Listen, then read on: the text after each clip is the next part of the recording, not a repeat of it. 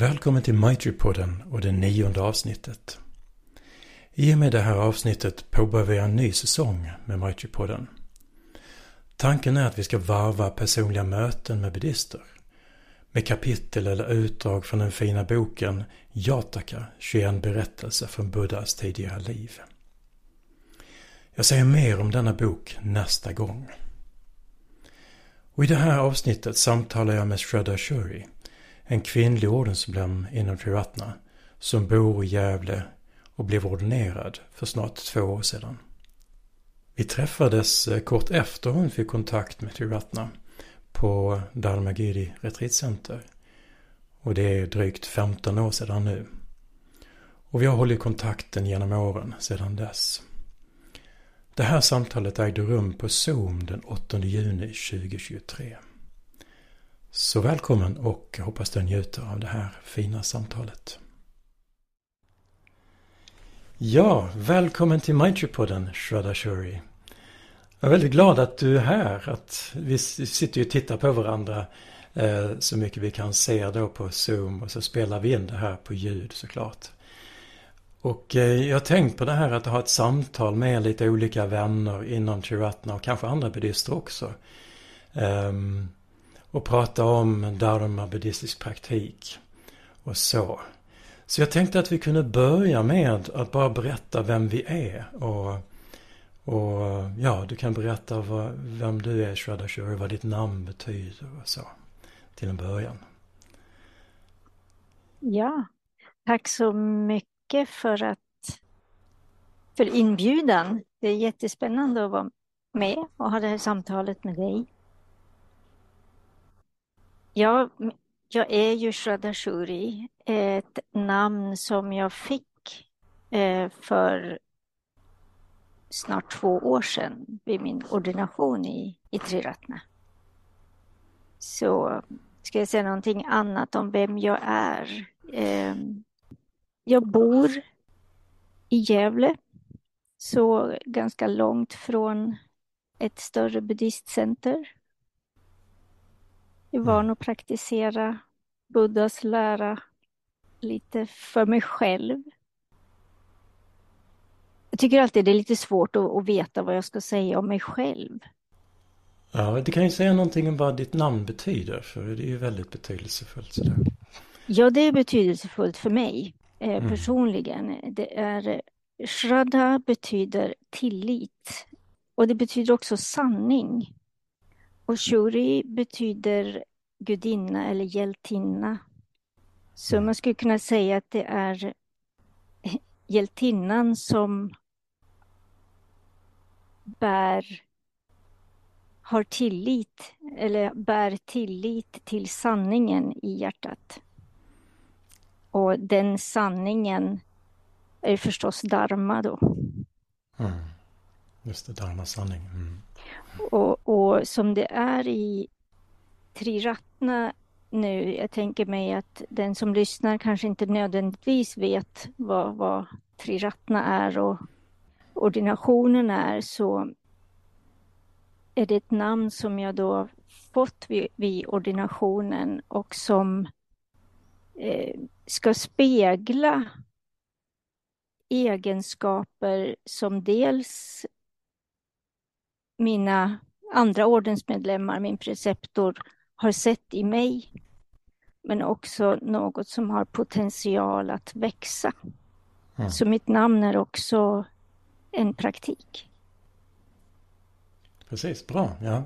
Det är ett väldigt vackert namn. Eh, tillitens hjältinna eller gudinna. Det är den kortaste beskrivningen. Och sen så är den här lite längre som du säger. Ja. Ja, jag kan ju säga vem jag är. Jag är Virya Bodhi och driver då Maitri-podden som har legat lite i träda ett litet tag nu. Men ehm, ja, jag är också ordinerad då. Mitt namn betyder ju då energi i strävan mot upplysning. Som är både en, en, eh, en inspiration och också en påminnelse om mitt liv, om vad jag vill göra. Ja, så det var lite grann om det bara. Um, och vi träffades ju, jag tror det var första gången vi träffades på Dharmagiri, vårt retreatcenter i Dalarna. Eh, nej, det är Västmanland, nästan i Dalarna. Um, uppe vid Salatrakten. Och det var ju säkert 15 år sedan, minst. Ja, det var länge sedan. Ja. Det var det. Jag Men jag ihåg minns det. Du minns det? Ja, det gör jag Ja. också. Jag kommer ihåg att vi hade ett samtal. Eh, sånt där praktiksamtal. Vi satt i glasverandan.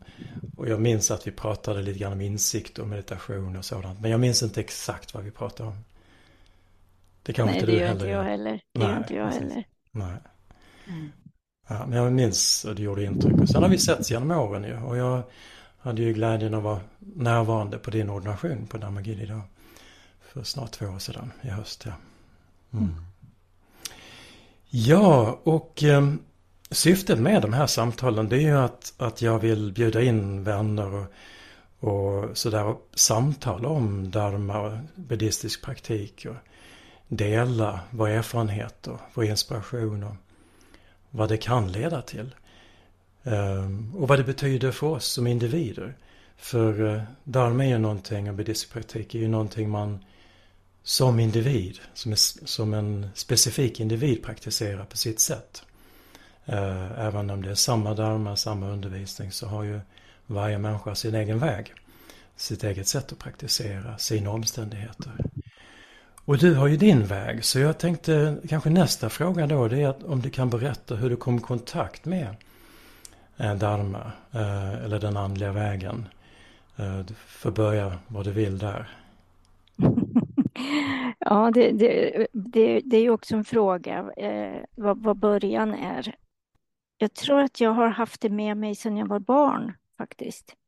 Jag Mm. minns när jag var barn att jag var väldigt, jag, jag var väldigt intresserad av vad, vad, vad, vad det betyder eller vad är det att veta saker? Hur kan jag veta att jag vet? Hur vet du att du vet? Och jag hade nära kontakt med liksom, naturen och andar och alla möjliga världar när jag var barn.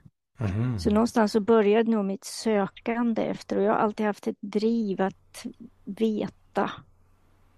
Sådär. Eh, men mer konkret så började jag eh, med meditation. Jag blev introducerad till, till meditation av en vän. Och, det- och det var väldigt hjälpsamt naturligtvis. Och, och, och jag, det hände en sak. Jag, jag var utsatt för våld. Mm. Eh, och det var en, ett, ett tillfälle där jag hade en så kallad nära döden-upplevelse som påverkade mig väldigt kraftfullt, där jag också kände att jag hade en slags insiktsupplevelse i samband med det. Mhm.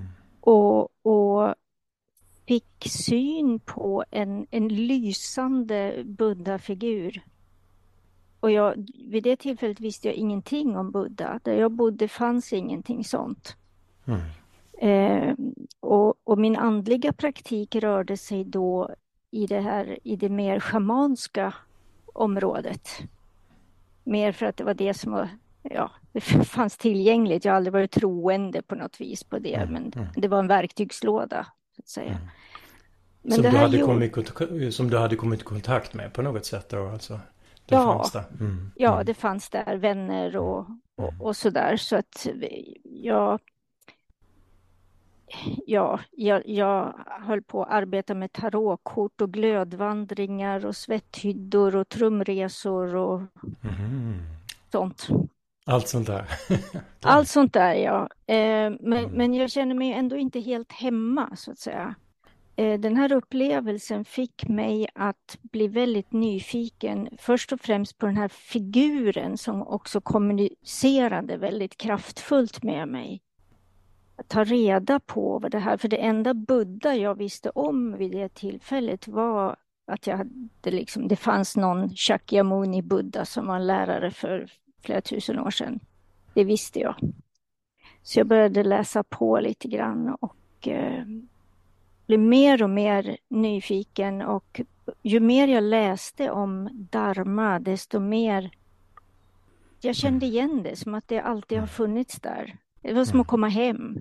Och jag mm. börja få ett ord för upplevelser som jag inte hade haft tidigare. Och för mig handlar eh, eh, dharma väldigt mycket om sanning, som på mitt namn. Mm. Eh, och, och, svarar på den här frågan som jag har mm. grejat med sedan jag var barn. Och sen var det naturligtvis också en väldigt, väldigt trygghet och ett sätt att, alltså meditationen framför allt, mm. att eh, lära mig vara med de känslor och eh, upplevelser som jag hade varit med om. Så där kände du dig i meditationen, du kände dig trygg och landade i dig själv och så var det det? Är det den ja. sortens tryggheten? Så. Mm. Ja.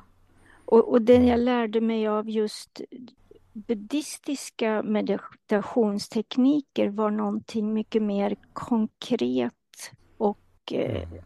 jordnära och, och än det som jag hade gjort tidigare. Mm. Och jag märkte att det hade en väldigt också konkret effekt. Så det, det är väl så jag praktiserat sedan dess egentligen, att jag utforskar min upplevelse och, och sen får läran så att säga bekräfta, eller vad man ska mm. säga, det. Mm. Mm. mm. Belysa den. Mm. Mm. Jag förstår, ja. Ja, intressant. Jag hade en liknande upplevelse. Jag började ju med TM, transcendental meditation, när jag gick på gymnasiet. Och sen när jag väl kom i kontakt med buddhistisk meditation så kändes det som en lättnad. För det var så tydligt och klart och det fanns, det fanns en erfarenhet som var mycket mer än vad jag hade stött på tidigare. Även om det var en ganska positiv upplevelse sådär. Mm. Det var en liknande resa kanske. Kan, kan du säga någonting om den där insiktselementet i, i den första upplevelsen där? Den, vad, vad var det som du såg utöver den här ljusgestalten? Och... Ja, vad ska jag säga? Jag vet inte om jag, hur jag ska... Den här gestalten, jag upplever det som att eh, den räddade livet på mig dessutom. Eh, som fick mig att liksom återvända och ta hand om mina barn. Sen, det här är ju... Då så var jag väldigt visuell.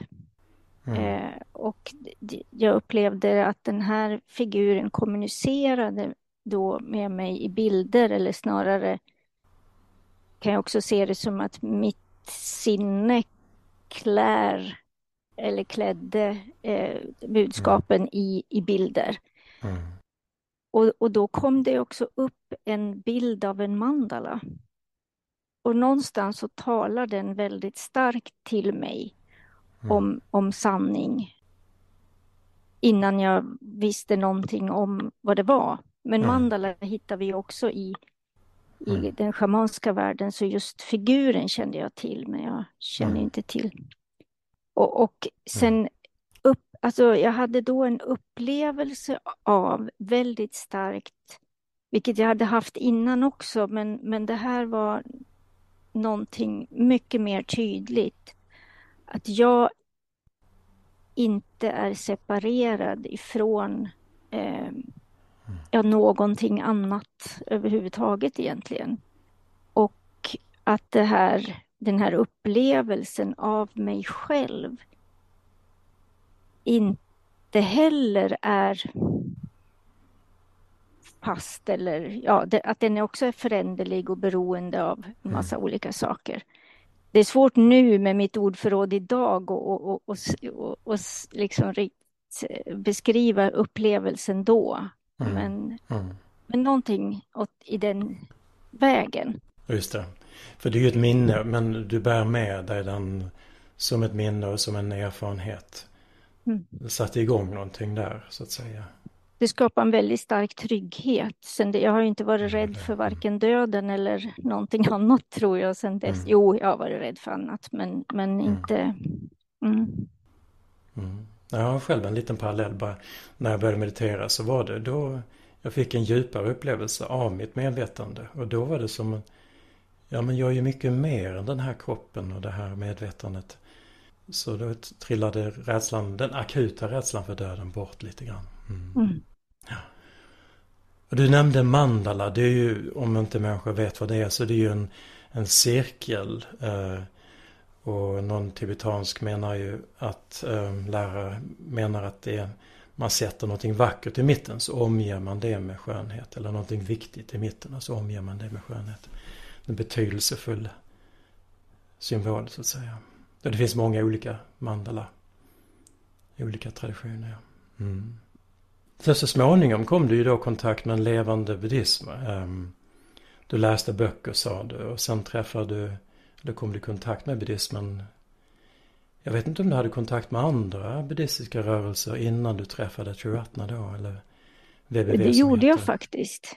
Jag, jag sökte ju Alltså under många år så, så var jag ganska okej okay med att praktisera ensam, men den här liksom en längtan efter ett, ett, en sanga eller liksom ett, att dela upplevelser och praktik med andra, det växte ju. Så jag började mm. leta och jag hittade sen. Jag drogs till mm. sen.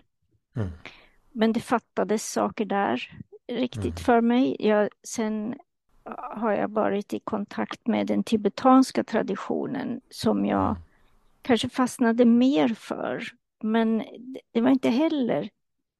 Jag, var, jag kom tidigt i kontakt med två saker inom den tibetanska traditionen. Den ena är Lojong och eh, Tonglen, mm. eh, meditationen. Mm. Eh, och det andra är Mahamudra, eh, som jag blev lite introducerad till, in, inte mm. jättedjupt då, men, men, men lite mm. grann.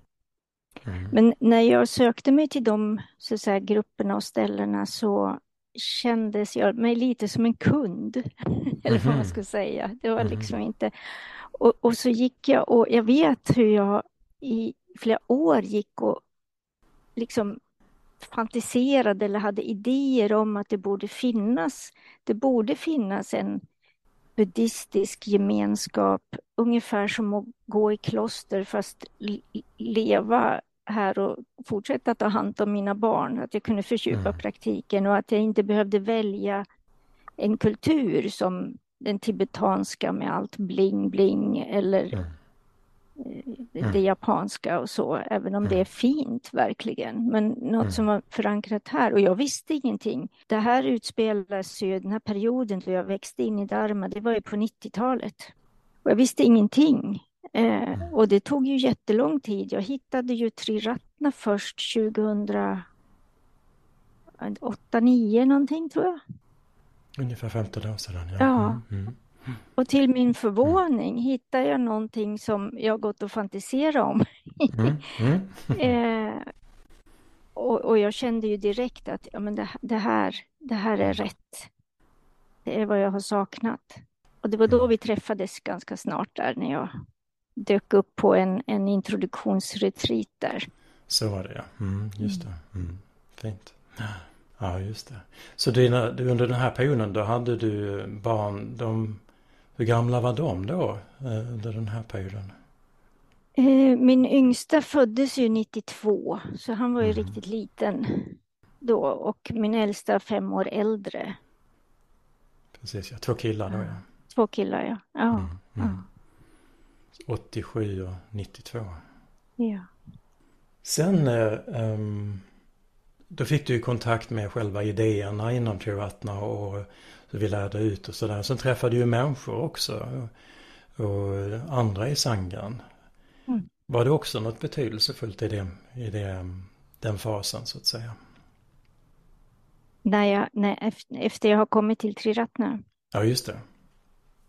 Det var ju oerhört betydelsefullt eftersom ja, det var ju mest av allt så var det just sanga-gemenskapen jag hade saknat jag vet att vi i, i den här rörelsen, i alla fall under min tid som mitra, så kom frågan ofta upp sådär, vad, vad dras, vilken juvel dras du mest till? Mm, det. det. brukar komma det. upp. Och trots att jag pratar så mycket nu om att just att det saknat sanga-juvelen så har inte det varit min starkaste juvel, så att mm. säga. Utan eh, liksom dharma som, som är. Mm. Eh, men det är ju också att jag behövde ju det är också det jag behöver utveckla och, och som jag har lärt mig väldigt mycket mm. av. Jag tror jag hade väldigt tidiga insiktsupplevelser och hade lätt för att meditera. Det var inte lika glasklart hur vi skulle kommunicera kring det här och bygga vänskaper. Mm. Väldigt betydelsefullt har det varit. Ja, det får man också lära sig. Och det finns ju mycket undervisning och mycket praktik och erfarenhet av det inom Triratna, stämmer jag. Lite grann, nu drar jag lite paralleller till mig själv, men bara kort. Jag, jag praktiserar dharma på egen hand också i Helsingborg. Och jag hade ju den längtan efter att träffa en gemenskap.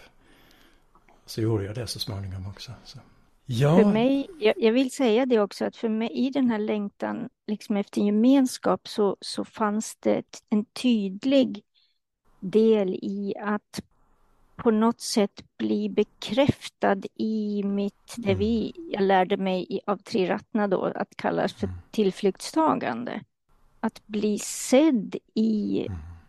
I, i den här djupa ambitionen att vilja transformeras, att, att liksom mm.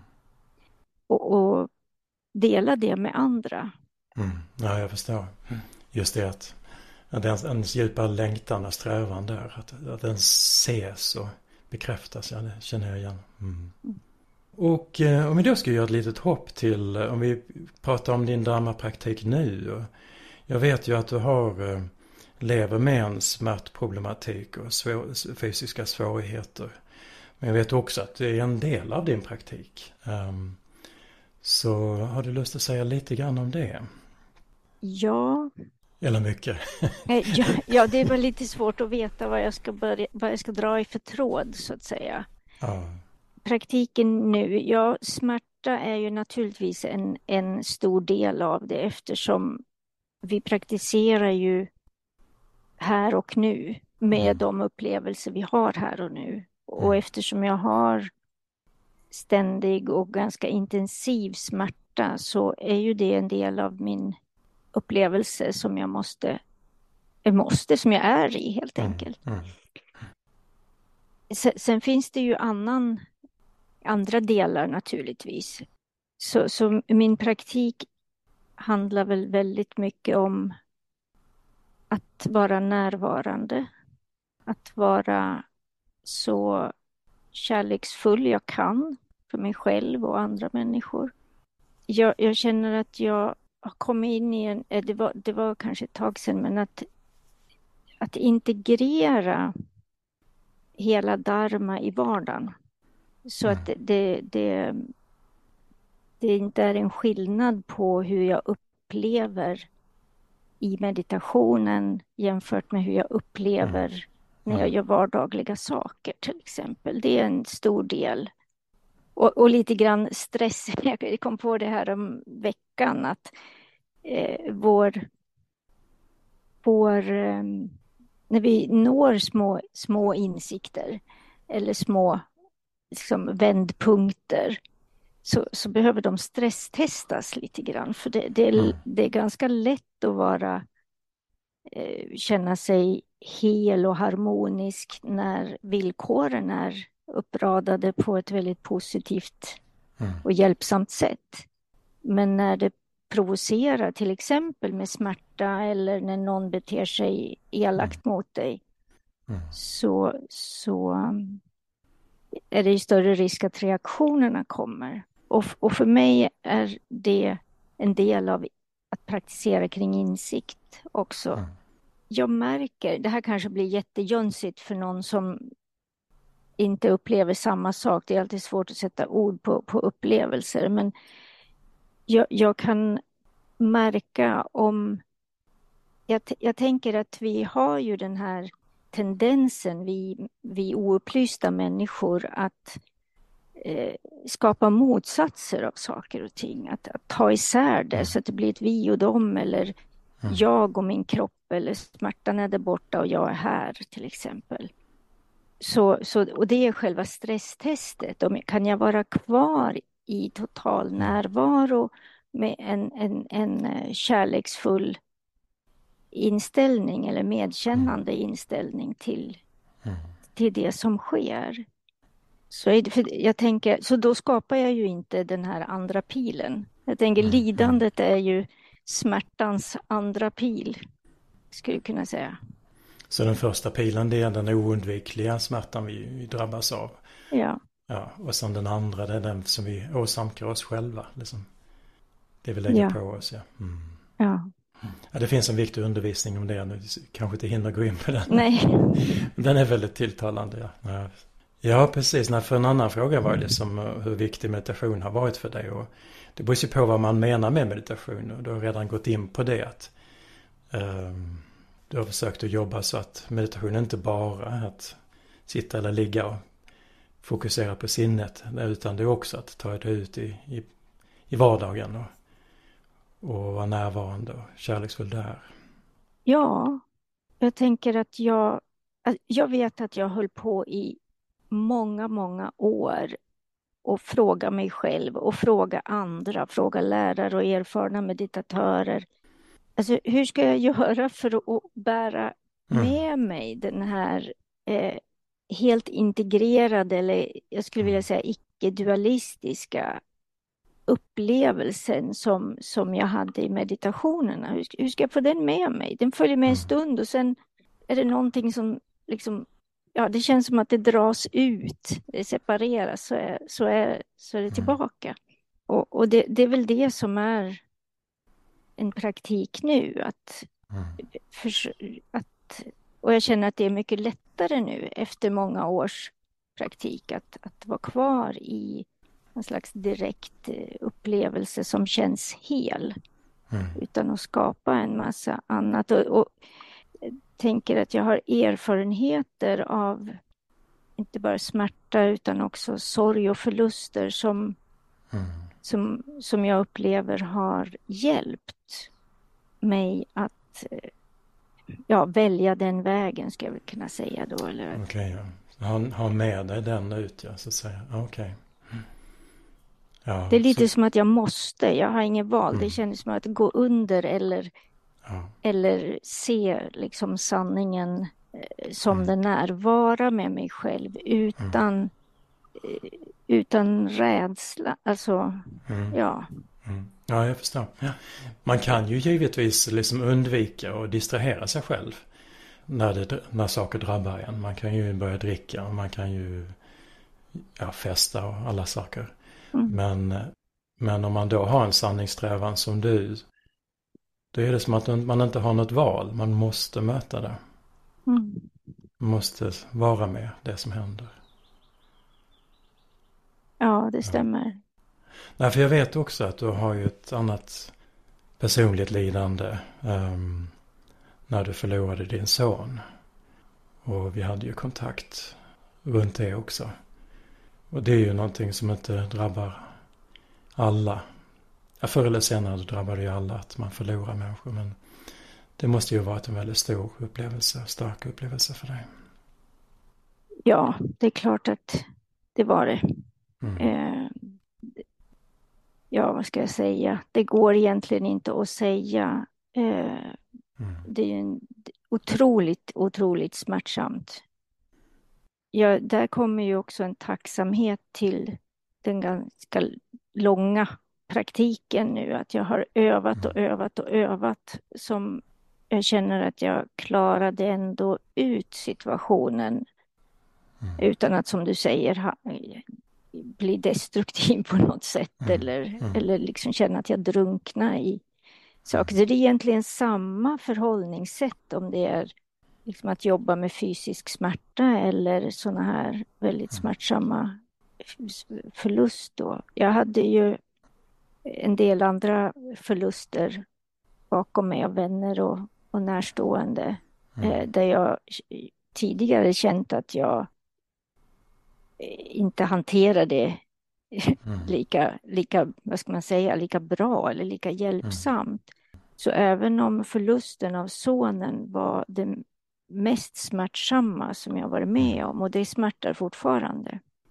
Så det här att jag har lärt mig att våga vara i den känsla som är utan att liksom skjuta mm. bort den, att vara uppmärksam på motstånd som kan dyka upp mm. och, och kanske också väldigt mycket den här eh, självmedkänslan.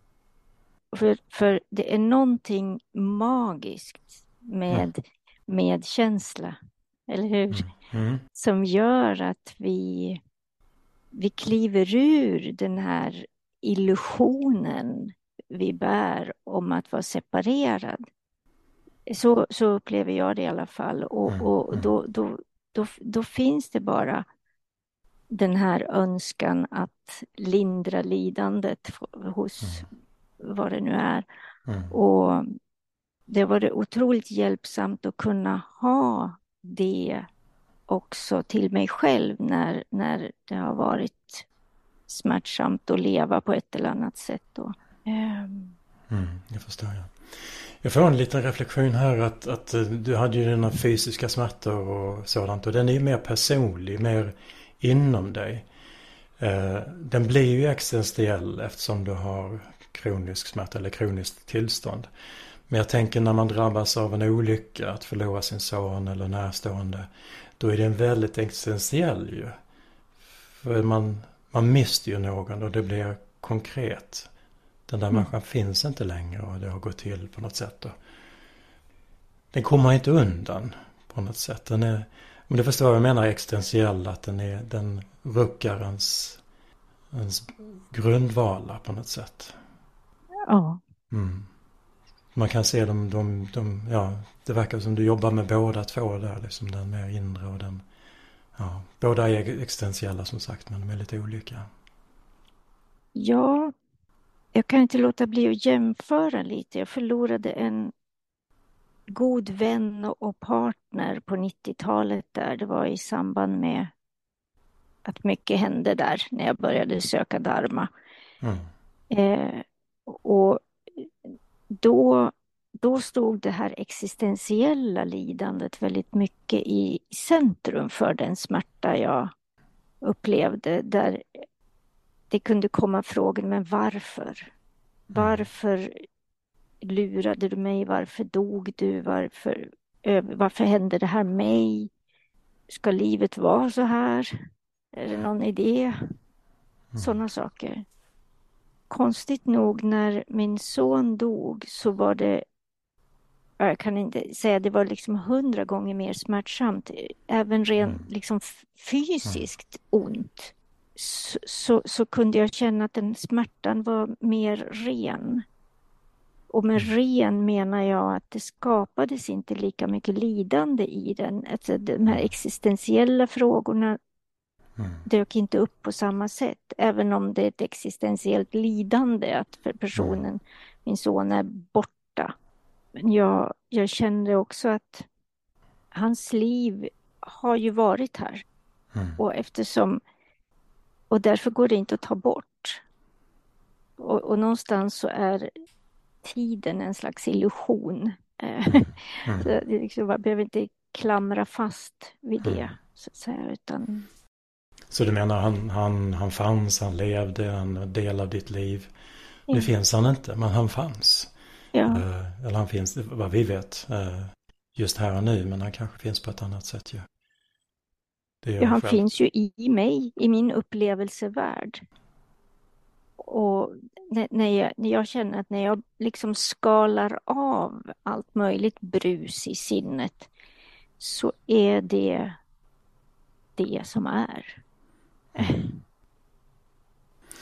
Det här vi kom ju in på, vi har redan pratat om det här med, med insikt och det här är ju det klassiska sätt att nå insikt eller att arbeta med insikt. Att kontemplera att saker förändras, eh, lidande och otillfredsställelse. Um, uh, och du har också varit inne på saker inte fixerade, därför är inte vi heller fixerade. Det finns ingen fast kärna på något sätt inom oss.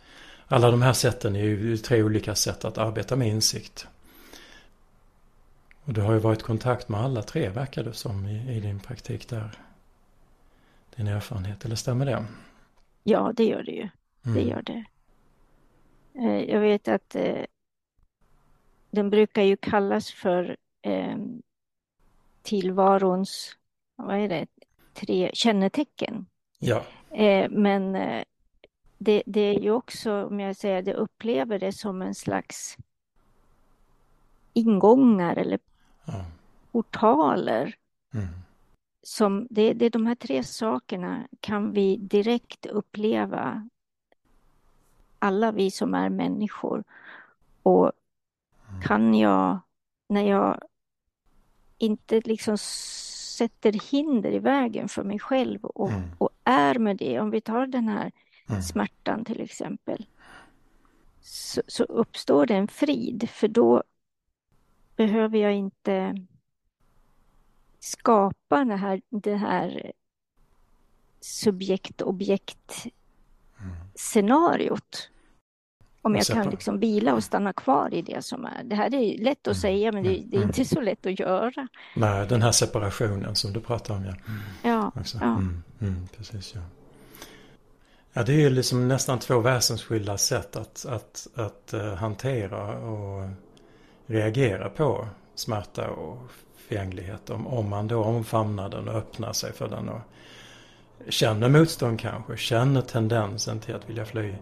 Men ändå stannar och öppnar sig för det. Och den andra är ju liksom, som du beskrev så väl, liksom, varför händer det här mig och det här är fel och, och man slår sig för bröstet eller vad man nu gör och klagar och ojar sig. Som Buddha säger i den där sätt, texten om, om de två pilarna. Så han gör en skillnad på världsliga människor och, och de med insikt. De två olika sätten att relatera till det. Ja, men tack för att du delar så fint, eh, eh Jag vet vissa av de här de är ju väldigt svåra att prata om och relatera till. Men du har ju många år av praktik och, och exponering eh, för det här och hanterat det. Jag är rädd att det är svårt att hitta ord mm. ändå på mm. upplevelser. Eh, och jag, jag, känner också att det lyssnar människor kanske som, som inte alls har praktiserat. Det går liksom inte att säga hur som helst och var som helst. Mm. Mm. Men jag tror en sak som är viktig det är väl att, att, att man kan relatera annorlunda. Det kan nog alla ta sig till. Ta mm. till sig. Det, det för när du pratar om motstånd där, liksom, att, att man kan stanna kvar det var någonting i det som jag ville bekräfta att det gäller att hantera sorg och smärta och praktisera med insikt, tänker jag, för mm. mig. Det är kan, kan du sluta eller minska din blinda tro på det du tänker, att det du tänker är sant eller att det du känner så här mm. direkt, att det är sant och riktigt då, då har du vunnit jättemycket. Det är liksom mm. avgörande för att vi då mm. kan, ja, när jag känner att, har, har känt att det finns ett visst motstånd så kommer lite närmare istället och undersöka. Mm. Istället för att säga nej, det här var, känns inte bra. Motstånd känns ju obehagligt. Så det var väl det. Kanske var bra att jag inte sa det för det blir väldigt djupt. Ja men det är, det är bra. Det är bra för när man, man kan ju säga att det är en, en praktik. När man noterar motstånd eller reaktion då har man en möjlighet. Ja, men stanna där och vad är det som händer nu? Undersöka. Mm, mm. Eh, jag har en god vän, ja, min preceptor, han myntar ju det här begreppet reaktionspraktik. Ja. och där, där har man stora möjligheter att dels upptäcka hur man då fixerar och ja, blir självfixerad, självcentrerad och skyller ifrån sig. mm. uh, och då har man en, stand, en chans att stanna där och undersöka och släppa, mjukna. Mm. Precis ja. Nej men en annan reflektion jag hade det var Uh, någon har sagt att insikt är en färskvara. Så även om vi har haft en upplevelse av insikt eller um, djupare upplevelse av något slag så, så är det ju den insikt vi har, det är bara den vi har i stunden. Ja. Mm. Den är vi i kontakt med. Så det är ju en, även om man har genombrott och man har, ser tydligare och kan få starka upplevelser så måste man hela tiden komma tillbaks till i stunden. Vad, vad är det som är ledande här? Vad är det som, hur praktiserar jag här? Uh, hur går jag vidare här? Hur går jag djupare här? Ja, och låta det få tid att integreras i mm. hela ens system och, och beteenden och vardagen och sådär. Mm. Det tar ju tid. Mm. Alltså att se igenom någonting. Mm. Säg att, att, att, att det kanske gäller jagets upplevelsen av jaget till exempel. Men att göra det till en del av hur vi, dels hur vi upplever eh, hela oss själva och världen. Och hur, att det liksom avgör hur vi beter oss i livets alla olika situationer. Det kan ta lång tid, tänker jag. Mm. Eh, mm. Och, och, och, det var lite det jag tänkte på när jag sa mm. stresstesta i början här. Att... Mm. Det, det slår mig när du säger det att man måste integrera. Det, det är ju ja, det är nästan den större uppgiften. Sangrakshita, vår lärare, han sa ju att eh, när vi säger ett, ett uns av insikt kräver ett ton av integration eller något sånt. ja, det är sant. Ja, ja. men också det här med att, att eh, det här med integration och att smälta saker. Det, det är sånt som man inte kan forcera. Man kan inte tvinga fram det. Man kan ju skapa omständigheter och villkor som gör det möjligt. Kan du säga någonting om det, hur, hur du har själv, ja, kanske faciliterat ett bra ord. alltså möjliggjort den här att, att det liksom sipprar ner, sipprar ner ut i hela din varelse. Oj, Oj! Eh, ja, alltså, ja, men, den först, jag måste först, den första responsen som ändå kommer i mig nu är wow, vilken underbar lära Dharma är. För, för att det är så centralt att vi, vi håller inte på med att försöka liksom pressa fram saker, för det funkar ju ändå inte. Mm, mm. Utan det är som du säger, att skapa goda villkor. Eh, och, och, och det är just det är just det. Det går inte, det, då funkar det inte med självbedrägeri till exempel. Det funkar mm. inget bra alls. Utan, mm. Vad menar du alltså, med självbedrägeri? Det, det, ja, det ingår mm. till exempel att jag mm. även, alltså, jag jobbar med smärtan till exempel, att jag, min kropp har vissa behov. Jag kan inte göra saker som jag gjorde förut. Jag behöver mycket vila, jag behöver mjukt och jag behöver det ena och det andra. Och sen är det ju andra saker med det här tillståndet som gör att kroppen fungerar väldigt dåligt. Och att verkligen ta hänsyn till det och, och inte pressa fram och pressa mig själv över gränser. Ja, men det är väl någon lärdom på vägen där att eh, jag nästan tappar bort vad du frågar om. Att skapa villkor för integration, ja, och låta det ske. Mm. Mm. Och jag, jag, jag tänker på jag vet inte varför jag börjar tänka på medkänsla nu igen. Men det är ju mm. ett av, av mm. de väldigt goda villkoren eh, mm. så, som jag tror har varit viktigt för mig. Något som jag ständigt kommer tillbaka till är att gå mitt prat. Vi mm. lever i en värld av huvudfotingar så det är så lätt att ha en massa teorier och filosofier och, mm. och, och tro på det ena eller andra. Men det, vi, vi måste öva och mm. öva och öva igen. Och det är mm. väl det jag har gjort. Mm. Och hålla ut med det. För, för min erfarenhet är att när jag släppte den här idén om att komma någonstans. Komma någon vart, att det ska bli på ett visst sätt. Och mm. bara titta på vad, vad är det som är mest hjälpsamt här och nu för mig och andra. Jag kanske glömmer det ibland, men, men alltså det där, där det är. Eh, efter en tag så, så går det att se att plötsligt händer det.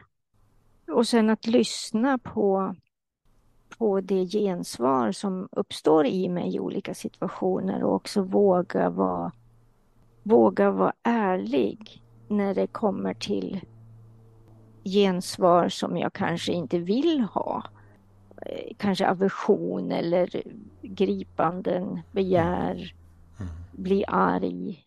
Det hjälper inte att, att skjuta undan sånt för att jag vill vara en sån god människa och en sån mm. präktig buddhist, utan mm. själva nyckeln är ju att omfamna det här mm. utan att gripa och hålla fast vid det, utan att se det, hålla det med jämnmod eller medkänsla eller mätta. Och när vi gör det mm. så, så kan vi ju se att det förändras och i, i, att det också försvinner många utav de saker som vi i alla fall hittar på. Vad jag hör när du berättar det här och jag kommer att tänka på det är att du, du ger uttryck för en, en väldigt stor uh, receptivitet eh, inför dig själv och din upplevelse. Och, så det gäller ju att liksom vara öppen för vad kroppen säger och lyssna på den och vara receptiv och ha det tålamodet. Eh, det är väl där den, när man inte har den, när huvudet liksom vill gå på men vill mer och eh, ja, borde kanske.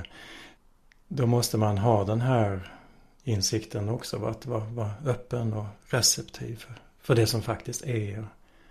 Var jag befinner mig, vad jag behöver just nu. Vad den här situationen kan behöva. Så det, ja, jag tycker det var genomgående vad du pratar om nu, stämmer det?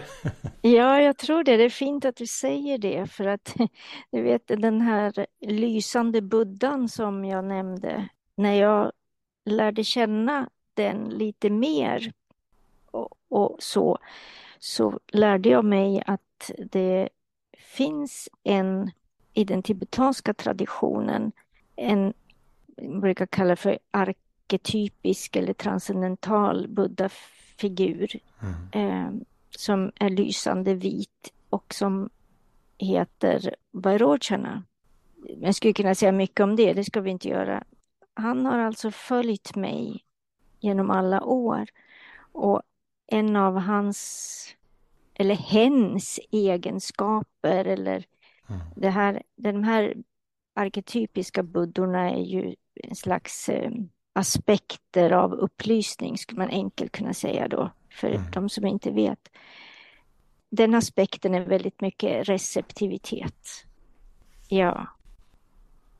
Och det, det, är väl också någonting som har varit en del av det jag själv upplever som en förändring i mig. Att jag, jag har väl kanske haft tendenser att vara receptiv länge men det har förändrats och finjusterats och jag hoppas att det fortsätter att finjusteras och för mm.